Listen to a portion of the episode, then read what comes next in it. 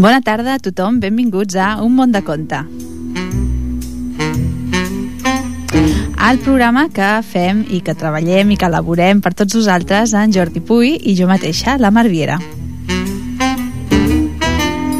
Com sabeu, aquest és un programa que s'emet a Ripollet Ràdio, a l'emissora municipal, al 91.3 de la FM. I que a més a més tenim un web on podeu veure o podeu escoltar els podcasts dels programes eh, per aquells que no els poden escoltar en diari. És eh, www.ripolletradio.cat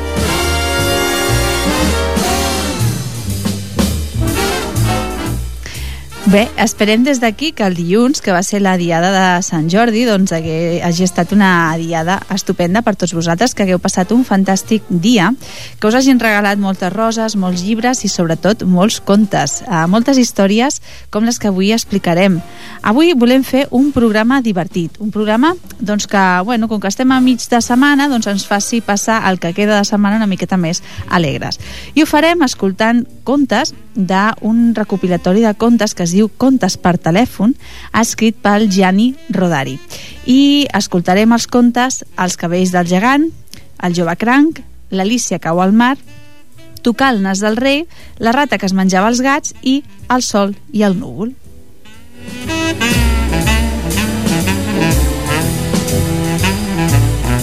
I avui la música, doncs avui la música anirà a càrrec de Els Hombres G. Que voy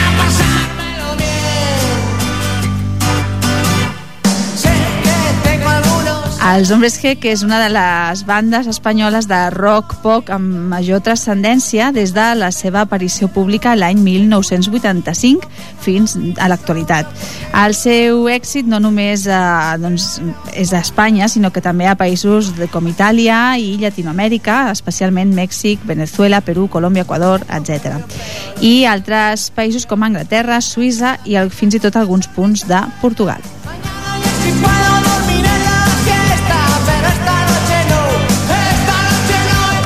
Doncs com us deia, el programa d'avui eh, volem que sigui divertit. I per explicar-vos una miqueta de què va o com és aquesta, aquest recopilatori de contes eh, del Gianni Rodari, ho faré doncs, gairebé com explicant-vos un conte, perquè a la introducció de, del llibre ho fa eh, ho fa d'una manera molt maca i és així, doncs, com si fos un, un conte. Diu, que hi havia una vegada el senyor Bianchi, que era de Varese, i que era un representant de comerç, i sis dies de cada set voltava tot Itàlia cap a l'est, cap a l'oest, cap al sud, cap al nord i cap al mig. I ell el que feia doncs, era vendre medicines. El diumenge tornava a casa seva i el dilluns al Martí tornava a marxar. Però abans que se n'anés, la seva filla li deia «Sobretot, pare, no et descuidis d'explicar-me un conte cada vespre» perquè aquella nena no podia dormir-se sense un conte i la seva mare li havia explicat tots els que sabia almenys tres vegades. Vet aquí, doncs, que cada vespre, on se vulga que fos, a les 9 en punt, el senyor Bianchi demanava per telèfon el número de Varese i explicava un conte a la seva filla. Aquest llibre, aquest recopilatori, doncs, conté justament els contes del senyor Bianchi. Ja veureu, pels que llegirem avui, doncs, que són una mica curts i per això llegirem més contes dels que normalment llegim o expliquem al programa. Per força, el senyor Bianchi doncs, pagava la trucada de la seva pròpia butxaca i no es podia pas permetre de fer telefonades massa llargues. Només alguna vegada, si havia fet bons negocis, doncs, bueno, s'allargava una mica. M'ha dit que quan el senyor Bianchi demanava Varese, les senyoretes de la centraleta interrompien totes les telefonades, totes les trucades, i ho feien per escoltar les seves històries. I tant, ja que n'hi ha algunes de tan boniques i esperem doncs, que les que hem triat pel programa d'avui doncs, així ho siguin.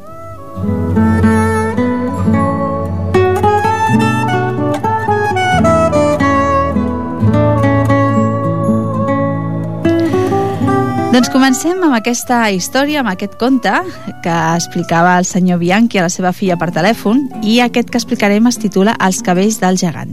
Diu així. Una vegada hi havia quatre germans. Tres eren esquifidíssims, però molt murris, i el quart era un gegant d'una força desmesurada, però era molt menys murri que els altres.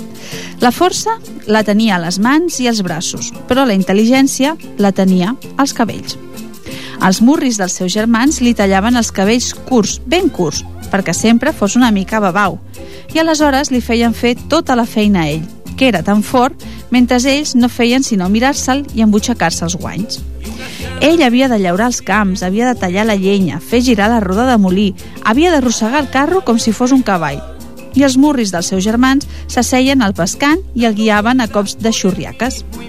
I mentre seien al pescant es fixaven en el seu cap i deien «Que bé que t'estan els cabells curts!» Ah, l'autèntica bellesa no rau pas en els rínxols. Fixeu-vos en aquest floc que li creix. Aquest vespre caldrà que hi donem un cop d'estissores.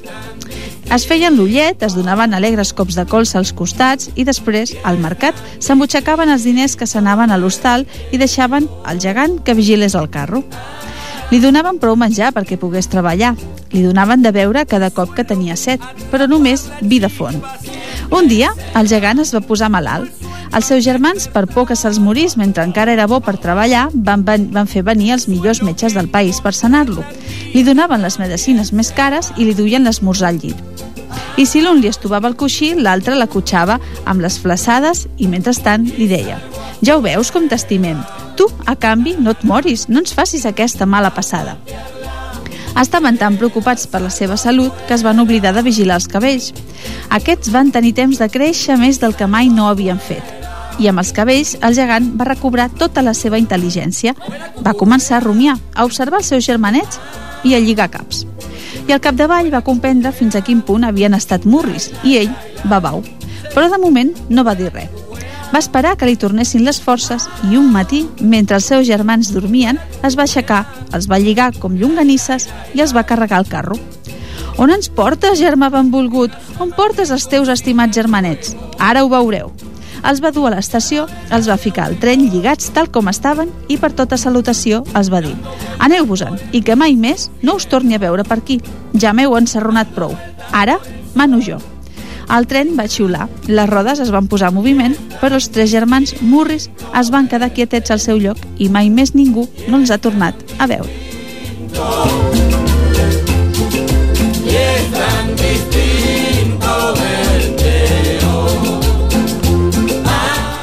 La segona història que explicarem doncs, va d'un jove cranc i es titula així el conte, El jove cranc. Un jove cranc va pensar per què a la meva família tots caminaven endarrere? Vull aprendre a caminar endavant com les granotes i així em caigui la cua si no me'n surto.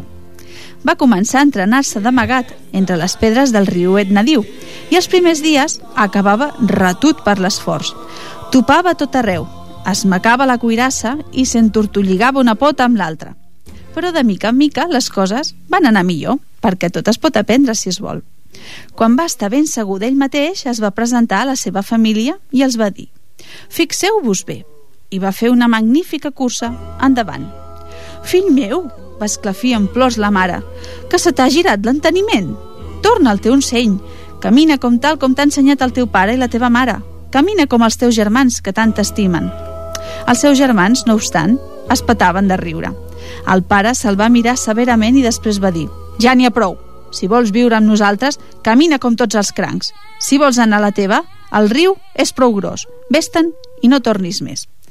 El bon cranc s'estimava els seus familiars, però estava massa segur d'anar pel bon camí, com per tenir dubtes. Va abraçar la mare, va saludar el pare i els germans i se'n va anar a Corramont. El seu pas va desvetllar tot seguit la sorpresa d'un grup de granotes que, com a bones xafarderes, s'havien reunit al voltant d'una fulla de nanúfar per fer petar la xerrada. El món va al revés, va dir una granota. Mireu aquell cranc i digueu-me que m'equivoco si podeu. Ja no hi ha respecte, va dir una altra granota. I ara, i ara, va dir una tercera. Però el cranc va tirar endavant, tal com sona, pel seu camí. Al cap d'una estona va sentir que el cridaven. Era un vell cranc d'expressió melangiosa que estava tot sol al costat d'un roc. «Bon dia», va dir el, el jove cranc.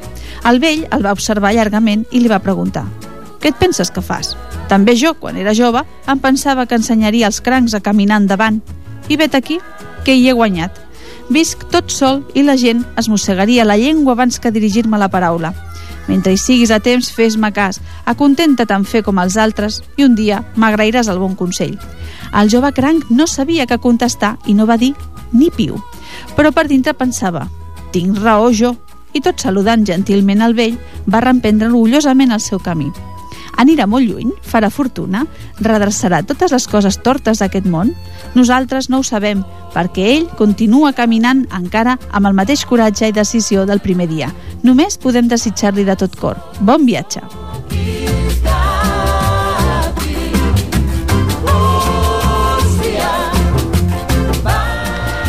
Doncs començarem amb una primera cançó dels Hombres G, la, la part musical del programa, i potser és una de les més escoltades, i és la que es titula Visite nuestro bar.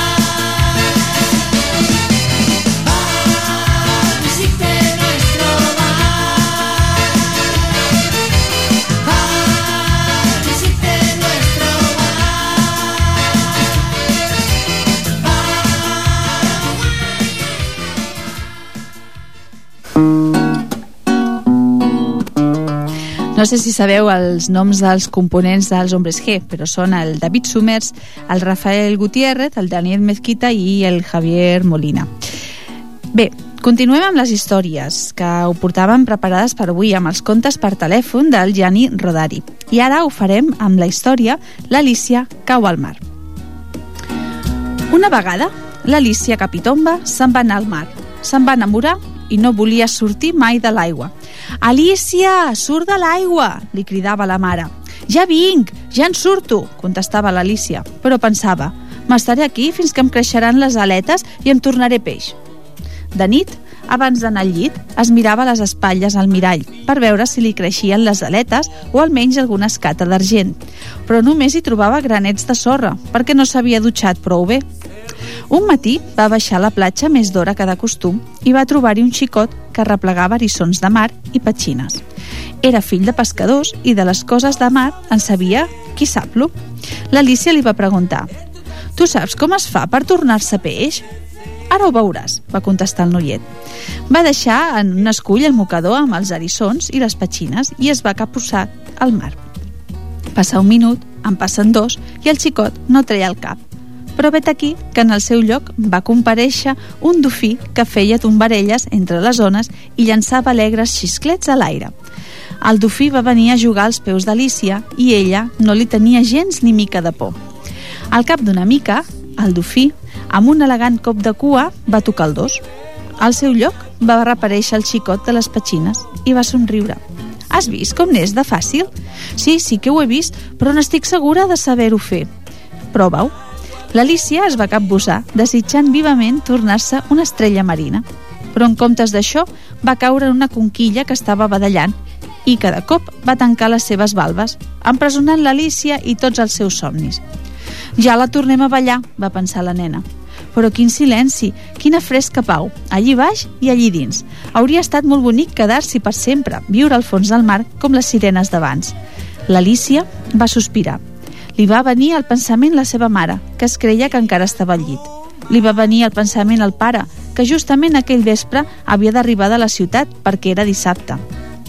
No puc pas deixar-los sols, m'estimen massa, tornaré a terra per una vegada. Apuntalant-se amb peus i mans, va aconseguir obrir prou la conquilla com per saltar-ne fora i reaparèixer a la superfície. El xicot de les petxines ja era lluny. L'Alícia no va explicar mai a ningú el que li havia passat. Certeza Sé que yo, sé que yo, sé que yo subo siempre a pensar ¿Qué será, qué será? La segona història d'aquest segon bloc, podríem dir-ho així, és la història Tocar al nas del rei. Una vegada, en Joanet Rodamont va decidir d'anar a Roma a tocar el nas del rei. Els seus amics li volien treure la idea del cap dient Mira que és una cosa perillosa. Si el rei s'hi enfada, seràs tu qui perdràs el nas amb el cap i tot. Però en Joanet era tossut.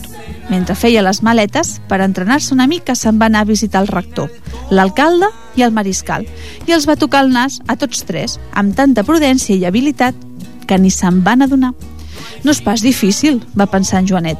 Un cop arribat a la ciutat veïna, es va fer indicar la casa del governador, la del president i la del jutge. Se'n va anar a fer una visita a aquests il·lustres personatges i també els va tocar el nas amb un dit o dos. Els personatges quedaven una mica parats, perquè en Joanet semblava una persona ben educada i sabia parlar gairebé de tot. El president s'hi va enfadar una mica i va exclamar «I ara? Qui m'està tocant el nas? Per l'amor de Déu, va dir en Joanet, hi havia una mosca. El president va mirar tot al voltant i no va veure ni mosques ni mosquits. Però mentrestant, en Joanet va fer una reverència, cuita corrents i se'n va anar sense oblidar-se de tancar la porta. En Joanet tenia una llibreta i duia els comptes dels nassos que tocava i tots els nassos eren importants. Quan va ser a Roma, però, el nombre de nassos va pujar tan ràpidament que en Joanet va haver de comprar una llibreta més grossa. N'hi havia prou amb una passejadeta per topar-se a cop segur amb un parell d'excel·lències, alguns sotsministre i una dotzena de secretaris generals. I ja no parlem de presidents. Hi havia més presidents que no captaires. Tots aquells nassos de luxe estaven a l'abast de la mà. De fet, els seus propietaris es prenien la tocada de nas d'en Joanet Rodamont per un homenatge a la seva autoritat i n'hi va haver algun que fins i tot va arribar a suggerir als seus subordinats que fessin el mateix. D'ara endavant, els deia, en comptes de fer-me una reverència, em podeu tocar el nas. És un costum més modern i més refinat. Els subordinats de bones a primeres no gosaven allargar les mans vers el nas dels seus superiors. Però aquests els encoratjaven amb un somriure així d'ample i aleshores vinga tocades, fregades i estirades. Els nassos eminents es tornaven vermells i lluents de, de satisfacció. En Joanet no havia pas perdut de vista el seu principal objectiu, que era tocar el nas del rei, i només esperava una bona ocasió, la qual es va presentar durant una desfilada. En Joanet va notar que de tant en tant algun espectador sortia de la gentada. S'enfilava el pescant de la carrossa i lliurava un sobre al rei. Segurament una súplica que el rei donava somrient, tot seguit, al seu primer ministre. Quan la carrossa va ser prou a la vora, en Joanet va saltar sobre el pescant i mentre el rei li dirigia un somriure encoratjador, li va dir amb el seu permís, va allargar el braç i va prémer la punta del nas de sa majestat. El rei es va tocar el nas tot esbarat, va obrir la boca per dir alguna cosa, però en Joanet, amb un salt enrere, ja havia trobat refugi entre la gentada. Es van sentir grans aplaudiments i tot seguit molts altres ciutadans van cuitar a imitar l'exemple d'en Joanet amb entusiasme. Saltaven damunt la carrossa, enxampaven el nas del rei i mec, li donaven una bona estirada. És un nou senyal de respecte, majestat, va murmurar somrient el primer ministre a l'orella del rei. Però el rei ja no tenia ganes de somriure. El nas li feia mal i li començava a gotejar i ell no tenia ni temps d'aixugar-se la candela perquè els seus fidels súbdits no li donaven treva i continuaven tocant-li el nas alegrement. En Joanet se'n va tornar al seu poble molt satisfet.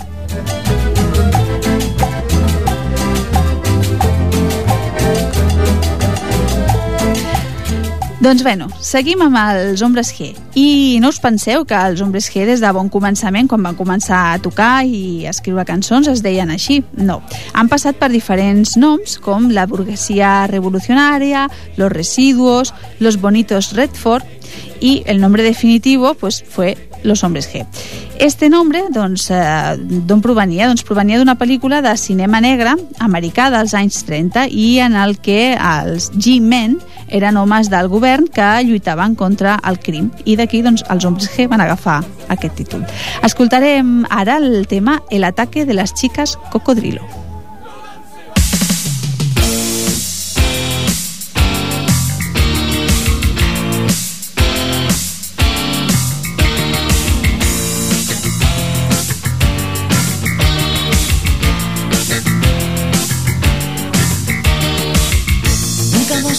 Guapos del barrio. Siempre hemos sido una cosa normal. Ni mucho, ni poco, ni para comerse el coco. Oye, ya te digo una cosa normal. Y ahora vamos a las discotecas. Si no tienes cuidado, te muerden las piernas. Bebes un poco, te haces el loco y ves a una niña disimular sido tú, te crees que no te he visto, ha sido tú, chica cocodrilo, ha sido tú, la que me dio el molisco, ha sido tú, ha sido tú, ha sido tú.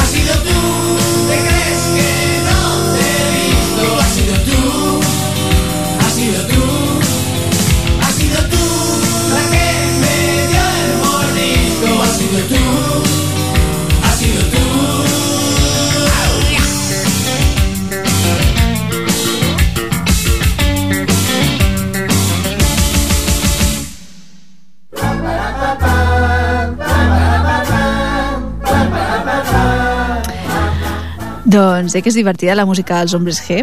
Eh, és d'aquelles músiques doncs, bueno, que, que t'alegren una miqueta al dia. Continuem amb les històries i amb els contes d'en Gianni Rodari, aquests contes per telèfon. ara eh, el que farem serà llegir a la història la rata que es menjava els gats i heu d'estar molt atents al que es diu al començament del conte. Diu així.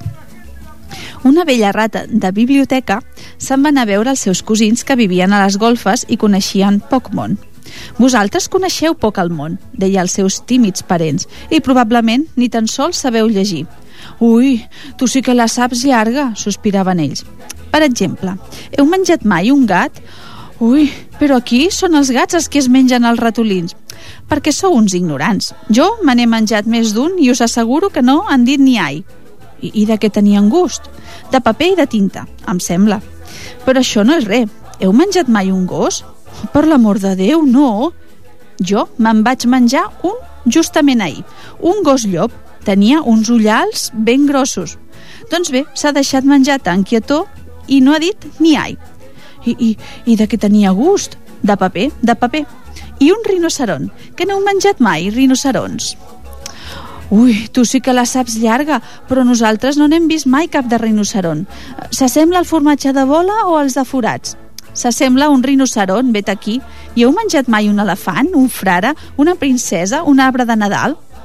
En aquell moment, el gat que s'ho havia estat escoltant darrere un bagul va saltar fora amb un marrameu amenaçador. Era un gat de debò, de carn i ossos, amb bigotis i ungles. Els ratolins van córrer a amagar-se, a excepció de la rata de biblioteca, que, oh sorpresa, s'havia quedat immòbil sobre les seves potes del darrere com una estàtua. El gat la va agafar i va començar a jugar-hi. De manera que tu ets la rata que es menja els gats? Eh, jo, excel·lència, doncs vostè ha de comprendre, mm, com que, com que sempre estic entre llibres, ja ho entenc ja, te'ls menges dibuixats, impressos en els llibres. Alguna vegada, però només per raons d'estudi. Oh, tant, a mi també m'agradaria la literatura. Però no et sembla que hauries hagut d'estudiar una miqueta del natural, també? Hauries après que no tots els gats són de paper i que no tots els rinocerons es deixen rossegar per les rates. Per sort per la pobra personera, el gat va tenir un segon de distracció, perquè havia vist passar una aranya a terra. La rata de biblioteca, en dos salts, se'n va tornar amb els seus llibres i el gat es va haver de contentar amb l'aranya.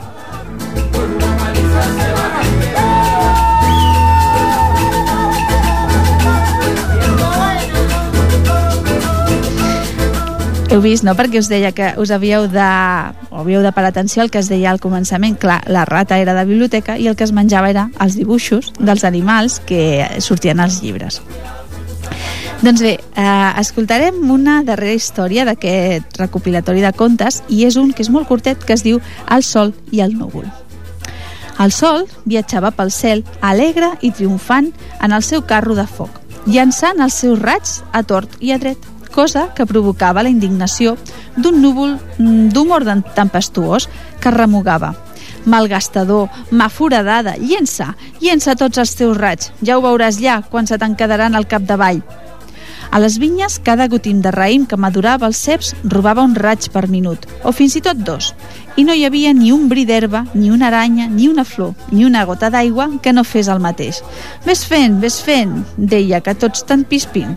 Ja veuràs com t'ho agrairan, quan jo no tindràs res més per deixar-te robar. El sol continuava alegrement el seu viatge, regalant els seus raigs per milers, per milions, sense ni comptar-los tan sols. Només al cap vespre va comptar els raigs que li quedaven, però fixa-t'hi, no li en faltava ni un.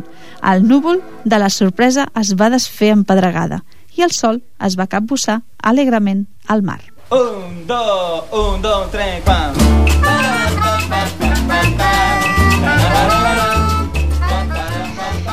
Doncs els Hombres G, eh, com us he comentat abans, van fer la seva aparició pública l'any 85 i des d'aquí fins l'any eh, 2011 han tret doncs, diferents àlbums, entre els que va doncs, el que porta per títol el seu nom, el nom del grup, Hombres G, com La cagaste Burlancaster, Estamos locos o qué, Agitar antes de usar i o el Voy a pasármelo bien i el 92, que va ser quan, quan ells van decidir doncs, eh, deixar la música com a grup durant un temps, doncs van treure l'àlbum que es deia Història del Bikini.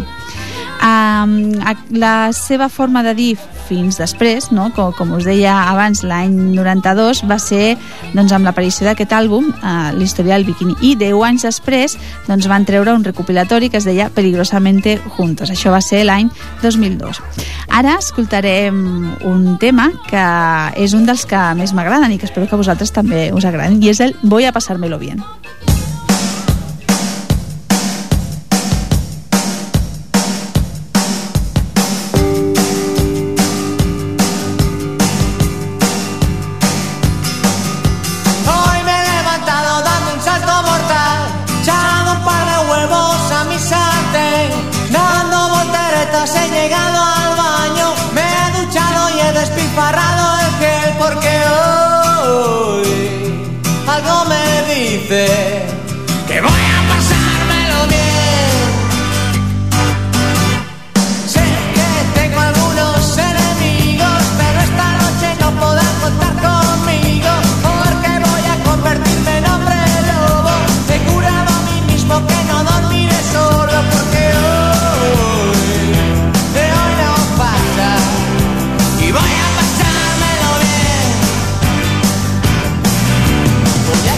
Cogerme un pedo los que hacen afición. Vine arrastrando a casa con la sonrisa puesta. Mañana ya si puedo dormir en la siesta. Pero esta noche no, esta noche no, esta noche. Algo me dice que voy a pasármelo bien. Bueno, vamos a ver qué encontramos en esta agendilla de teléfonos princesa.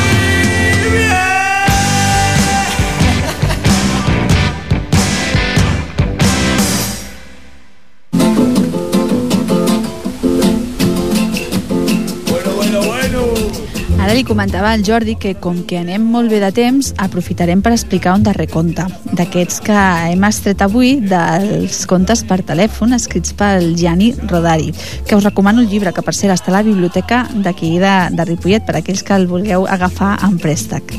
La història amb la que acabarem és El camí que no duia enlloc.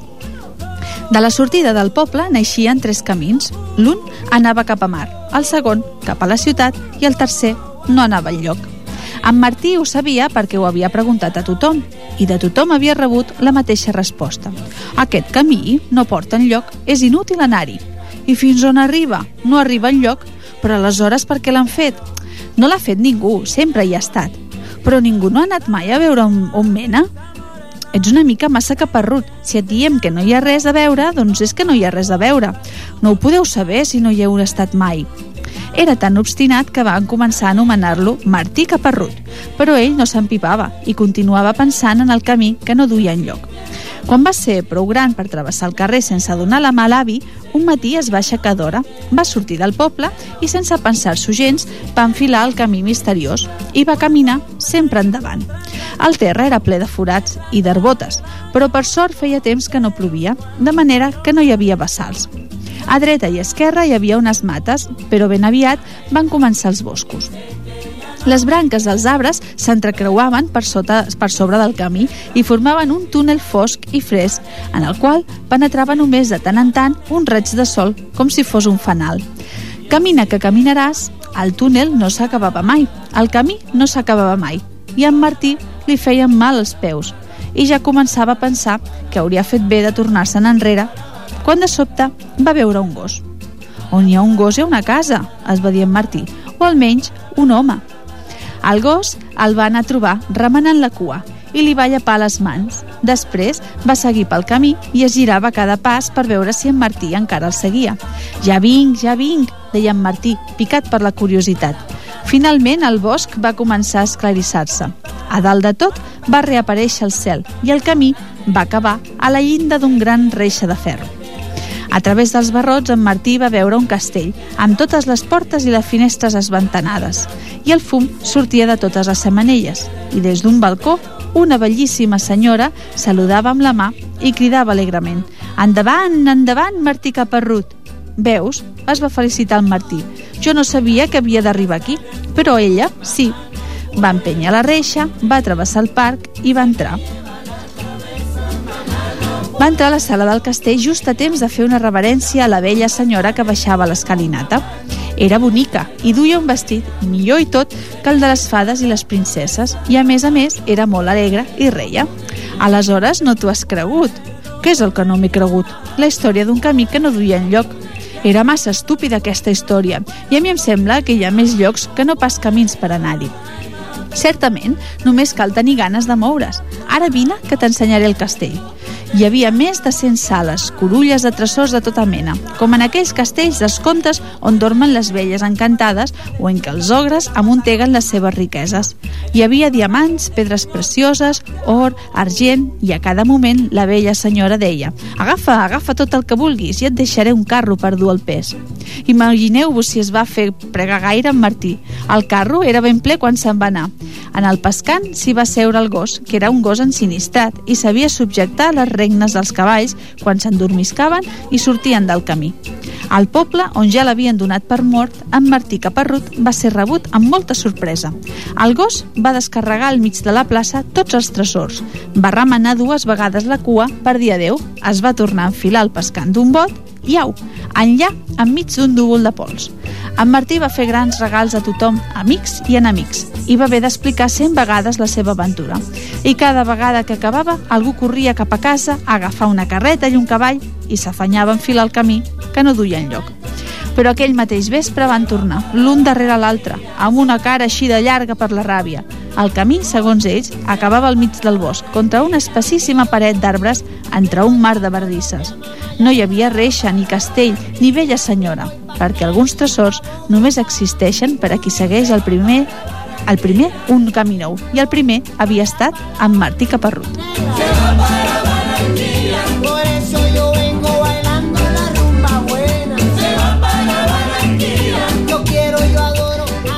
Doncs, bueno, hem arribat al final del programa. Abans d'acabar, una altra dada sobre els homes G, que potser doncs, aquells que no teniu ja una edat, com, com jo, per exemple, doncs no ho sabeu. I és que els homes G també van fer dues pel·lícules. Una que es titulava Sufrem Amont i una altra que es titulava Suéltate el pelo, que estaven dirigides per Manuel Summers, que era tiet del cantant, del, del David Summers. Bueno, si teniu l'oportunitat de veure aquestes pel·lícules, són d'aquelles pel·lícules doncs, per adolescents i, bueno, almenys fan riure. Uh, us deixaré amb un darrer tema d'ells, uh, el que porta per títol, per cert, uh, el títol d'una de les pel·lícules, Suelta't el pelo.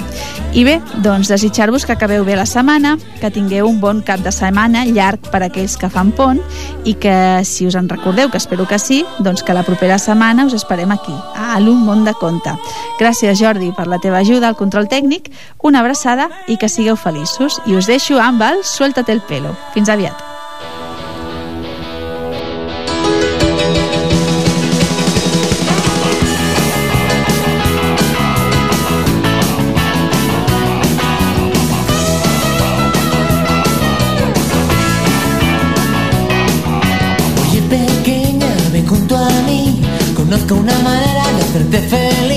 Suéltate el pelo, ven y siéntate aquí. Fuera el abrigo, ponlo por ahí. Vente conmigo y confía en mí. Yo lo que quiero es verte sonreír. Yo lo que quiero es que tú bailes junto a mí, te sueltes el pelo y luego si quieres el sujetador suéltate el pelo. Suéltate el pelo. Suéltate el pelo, me ese favor y baila conmigo este rock and roll. Yo solo quiero un poco de diversión. Quítate los zapatos fuera el pantalón, apágalo todo menos la televisión, suéltate el pelo, estarás mucho mejor. Yo lo que quiero es que tú bailes junto a mí, te sueltas el pelo y luego si quieres el sujetador, suéltate el pelo. Suéltate el pelo,